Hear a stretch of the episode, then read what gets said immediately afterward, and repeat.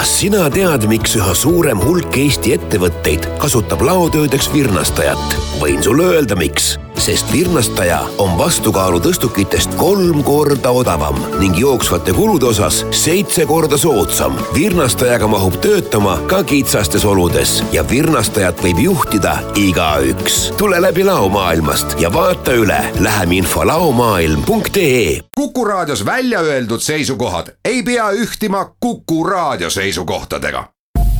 Te kuulate Kuku raadiot optibett, iga päev põhjust mängida.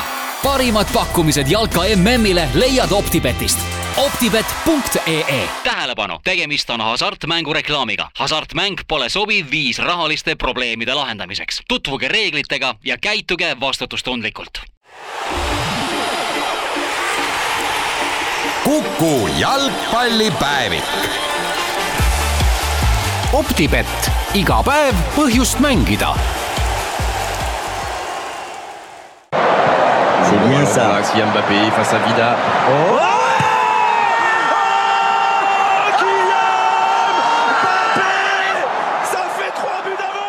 selles Prantsuse telekommentaatorite rõõmus, mis järgnes Kylian Mbappé väravale, mis eile viis Prantsusmaa finaalis Horvaatia vastu neli-üks juhtima, väljendub emotsioon, millega küllap ühines suur enamus Prantsusmaast.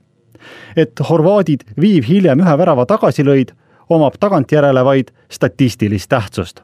Prantsusmaa võitis kahekümne aastase vaheaja järel maailmameistrivõistlused ning on nüüd kahekordne maailmameister. alanud on Kuku jalgpallipäevik, mina olen Andres Must. et eilsega said mängud Venemaal läbi, jõudis lõpusirgele ka meie ennustusmäng. meie viimaseks võitjaks on Merike Saarela, keda ootab Optibeti välja pandud auhind, milleks on Eesti Rannajalgpalliliiga ametlik meeskonnariietus pusasärk ja nokamüts, lisaks Nike'i rannajalgpalli pall.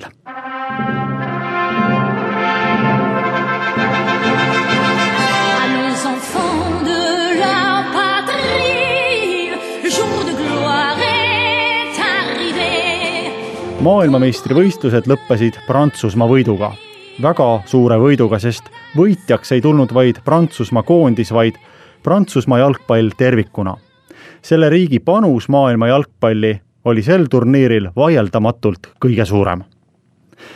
teadaolevalt lubab FIFA mängijatel esindada riike, millega neil on sugulusliin vähemalt vanavanemateni. lõppenud MM-il oli kaheksakümmend kaks mängijat, kes esindasid riike, kus nad polnud sündinud ning enim, kakskümmend üheksa, olid sündinud Prantsusmaal kui nüüd siia lisada ka Prantsusmaa enda kakskümmend üks Prantsusmaal sündinud mängijat, saame koguarvuks viiskümmend. järgmine oli Brasiilia, kelle puhul on need arvud viis pluss kakskümmend kolm ehk kokku kakskümmend kaheksa, peaaegu poole vähem. siis järgnesid Argentiina, Saksamaa ja Inglismaa ning Prantsusmaa on selles arvestuses domineerinud juba alates kahe tuhande kuuenda aasta finaalturniirist. enne seda, kahe tuhande teisel aastal oldi Inglismaa ja Saksamaa järel kolmandad Nende arengute selgitamiseks tuleb minna ajas tagasi mitmeid põlvkondi, vähemalt aastateni, mis järgnesid Teisele maailmasõjale. sõjas kannatada saanud Prantsusmaa avas ülesehitustööde kampaaniaks tööjõule piirid ning paremat elu otsivad inimesed Ida- ja Lõuna-Euroopast, samuti inimesed Prantsusmaa endistest kolooniatest võtsid kutse vastu. Euroopas peamiselt Poolast, Armeeniast, Itaaliast ja Hispaaniast koloniaalmaadest muidugi Alžeeriast. see poliitika muutis oluliselt Prantsusmaa rahvuslikku koosseisu. Euroopa Nõukogu tuhande üheksasaja kuuekümne viienda aasta andmete kohaselt oli tol perioodil Prantsusmaal kõrgeim sisserännanute protsent Lääne-Euroopas, ulatudes kahe koma seitsme miljoni inimeseni. Saksamaa Liitvabariigis oli see arv kaks koma kolm, Šveitsis null koma kaheksa ning Belgias null koma kuus miljonit.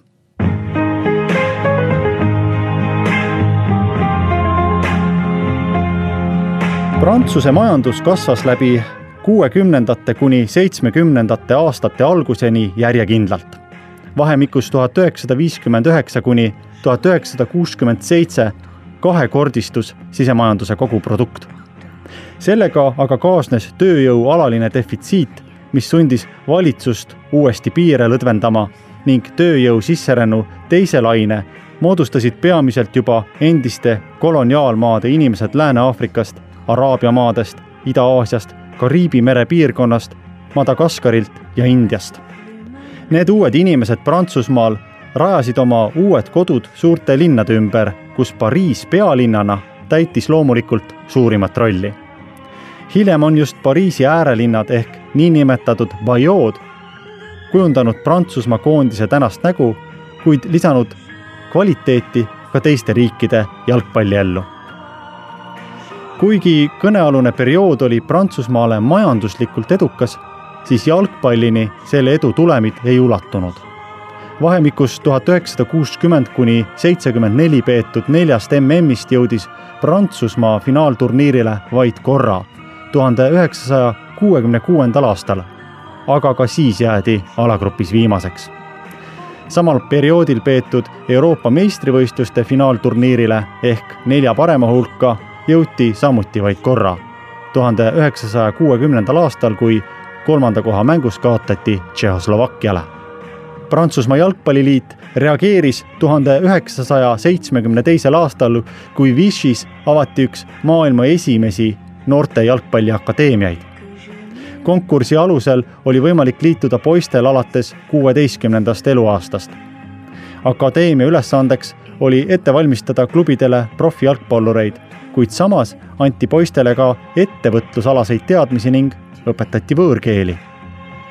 noormeeste esivõistkond osales ka Prantsusmaa meistrivõistluste madalamates liigades, mille krooniks võiks pidada tuhande üheksasaja seitsmekümne üheksanda ja tuhande üheksasaja kaheksakümne kolmanda aasta kolmanda liiga võitmist. akadeemia kasvandikest kolm jõudsid Prantsusmaa ning üks Armeenia koondisse. kõige kuulsam mängija on kahtlemata Jean-Pierre Papin, kes kaheksakümne neljandal aastal liikus akadeemiast teise liiga klubisse Valencien ning kes seitse aastat hiljem, aastal tuhat üheksasada üheksakümmend üks valiti Euroopa parimaks jalgpalluriks neli aastat pärast Vichy akadeemia loomist tuhande üheksasaja seitsmekümne kuuendal aastal alustas Prantsusmaa Jalgpalliliit koostööd tippklubidega, et tõhusamalt kaasata kohalikke noori. idee on selles, et üks klubi jälgib kokkulepitud piirkonnas noori ning kaasab parimad oma klubiga. teisisõnu oli tegemist sellesama initsiatiiviga, mille Saksamaa veerand sajandit hiljem üle võttis ja täiustas. ent Vichy Prantsusmaa keskel asuv linn, kus Teise maailmasõja ajal tegutses Prantsusmaa saksameelne valitsus, on pisike ja suurtest keskustest kaugel. tänagi elab seal vaid kakskümmend viis tuhat elanikku. seepärast tuleb ka mõista Prantsusmaa Jalgpalliliidu otsust kolida akadeemia tuhande üheksasaja kaheksakümne kaheksandal aastal Pariisi lähistele Clairefontaine'i nimelisse külakesse ning sellest sai tolle perioodi maailma edukaim noortetöökeskus lähedus Pariisile avardas võimalusi ka muidu oma eeslinnadesse suletud immigrantide lastele ning selle viljad korjati täpselt kümme aastat hiljem kodusel MM-il.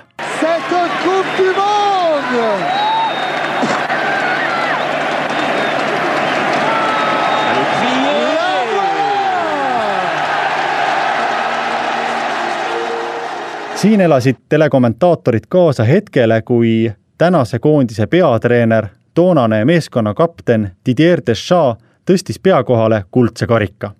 tolles meeskonnas oli mitmeid mängijaid, kelle vanemad olid eelpool nimetatud lainena Prantsusmaale elama asunud.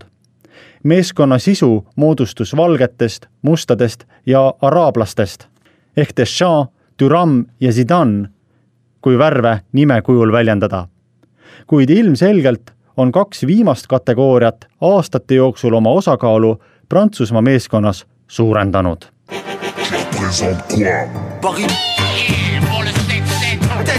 Les Yvelines. 91 et sonne, mec. 9, 2, 93, 9-4 poto. kui osutada geograafilistele punktidele, mis sellistes arengutes enim rolli on mänginud, siis on selleks eelpool nimetatud Bayood omamoodi enklaavid Pariisi ümbruses, kus domineerivad immigrandid, kus valitseb tööpuudus, kõrge kuritegevuse tase, vaesus. ent nagu viidatud, asuvad sealsamas ka koordinaadid, kus ristuvad Prantsuse immigratsioonilugu ja jalgpall.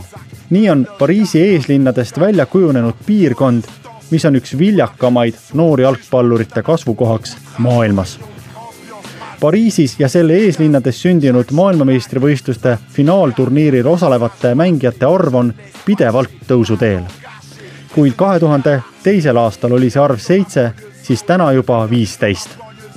olgu meenutatud, et Prantsusmaal sündinud mängijaid oli sel korral viiskümmend. seega moodustab Pariis sellest ligemale kolmandiku. Prantsusmaa tänases koondises on eeslinnadest pärit kaheksa mängijat Pogba, Mendy, Matuidi, Areola, Kante, Nzonzi, Kimpembe ning turniiri parimaks noormängijaks valitud Mbappe. viimase isa on kameruunlane, ema alžeerlane ning jalgpalluriks sirgus ta nimetatud Clairefontaine'i keskuses.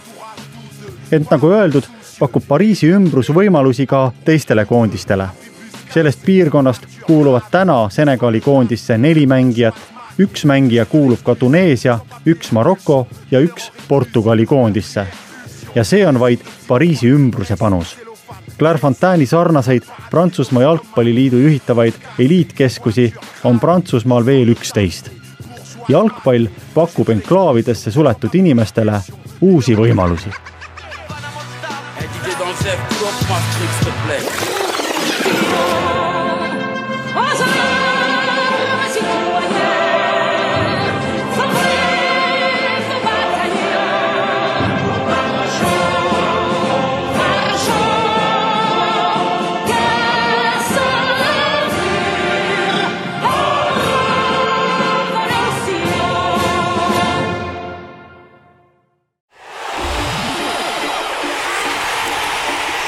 Kuku jalgpallipäevik. optibett, iga päev põhjust mängida. jätkumas Kuku jalgpallipäevik ning teeme saate teises pooles põgusa statistilise ülevaate lõppenud turniirist. kuuekümne neljas mängus löödi kokku sada kuuskümmend üheksa väravat, mis teeb keskmiseks kaks koma kuuskümmend neli väravat mängu kohta vähemalt kaks väravat lõid kõik meeskonnad ning kõige rohkem, kuusteist, lõi Belgia, kellel oli ka parim väravate suhe, pluss kümme. Belgiast sai ka kolmas meeskond ajaloos, kelle eest jõudsid väravani kümme mängijat. enim väravaid lasi aga Panama, kelle löödi üksteist väravat. kolmes mängus löödi seitse väravat. resultatiivsem mängija kuue väravaga on Inglismaa koondise ründaja Harry Kane. viimati oli inglane turniiri parimaks väravalööjaks aastal tuhat üheksasada kaheksakümmend kuus, kui Gary Linekeri arvele jäi samuti kuus väravat. Inglismaa paistis silma ka sellega, et oma kaheteistkümnest väravast koguni üheksa löödi standardolukorrast, mis tähistab uut turniiri rekordit. oma väravaid löödi sel korral kaksteist, millega ületati kahekordselt turniiri senine rekord aastast tuhat üheksasada üheksakümmend kaheksa. kübaratrikk ehk kolm väravat mängus löödi kahel korral. Cristiano Ronaldo Hispaania vastu ning Harry Kane mängus Panamaga. küllap tänu esmakordselt kasutusele võetud videokohtunikele määrati rekordiliselt palju penalteid, kakskümmend üheksa, millest realiseeriti kakskümmend kaks penaltil eksinud mängijate hulka kuulusid teiste seas ka Ronaldo, Lionel Messi ja Luka Modric. neli mängijat, Antoine Griezmann, Eden Hazard, Harry Kane ja Luka Modric valiti kolmes kohtumises mängu parimaks.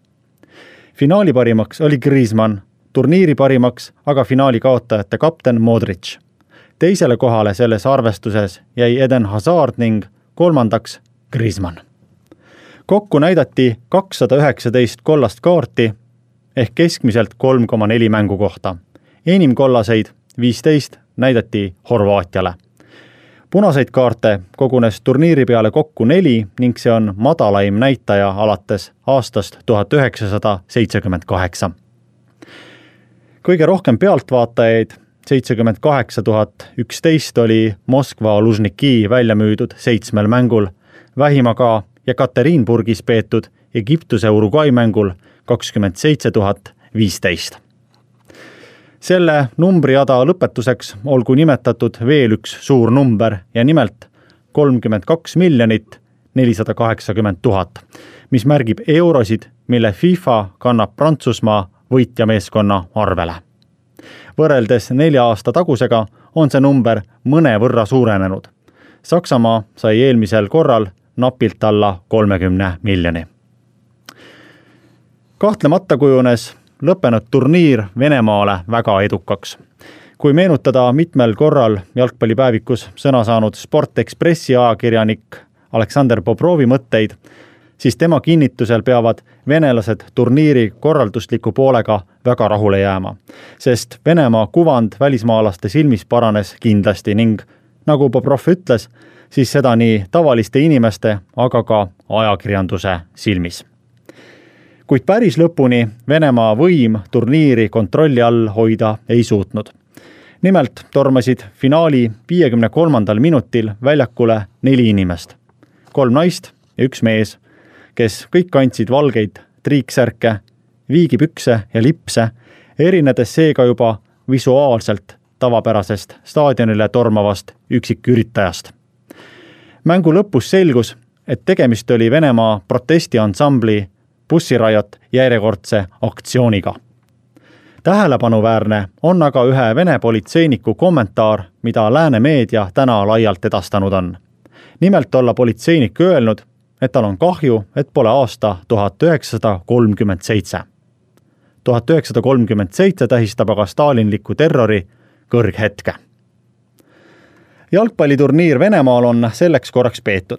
järgmised maailmameistrivõistlused toimuvad nelja ja poole aasta pärast Kataris ning siis tuleb harjuda uue reaalsusega, kui turniiri ajal valmistume verivorstide söömiseks ning raadiojaamad mängivad selliseid laule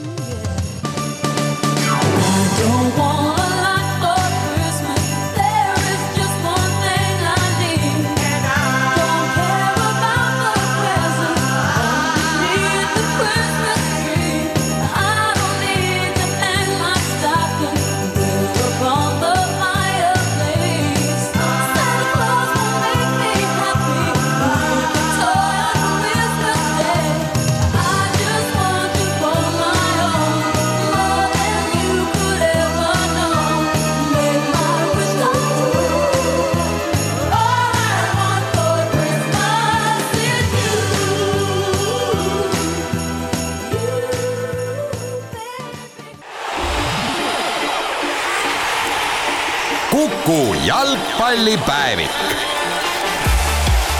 optibett, iga päev põhjust mängida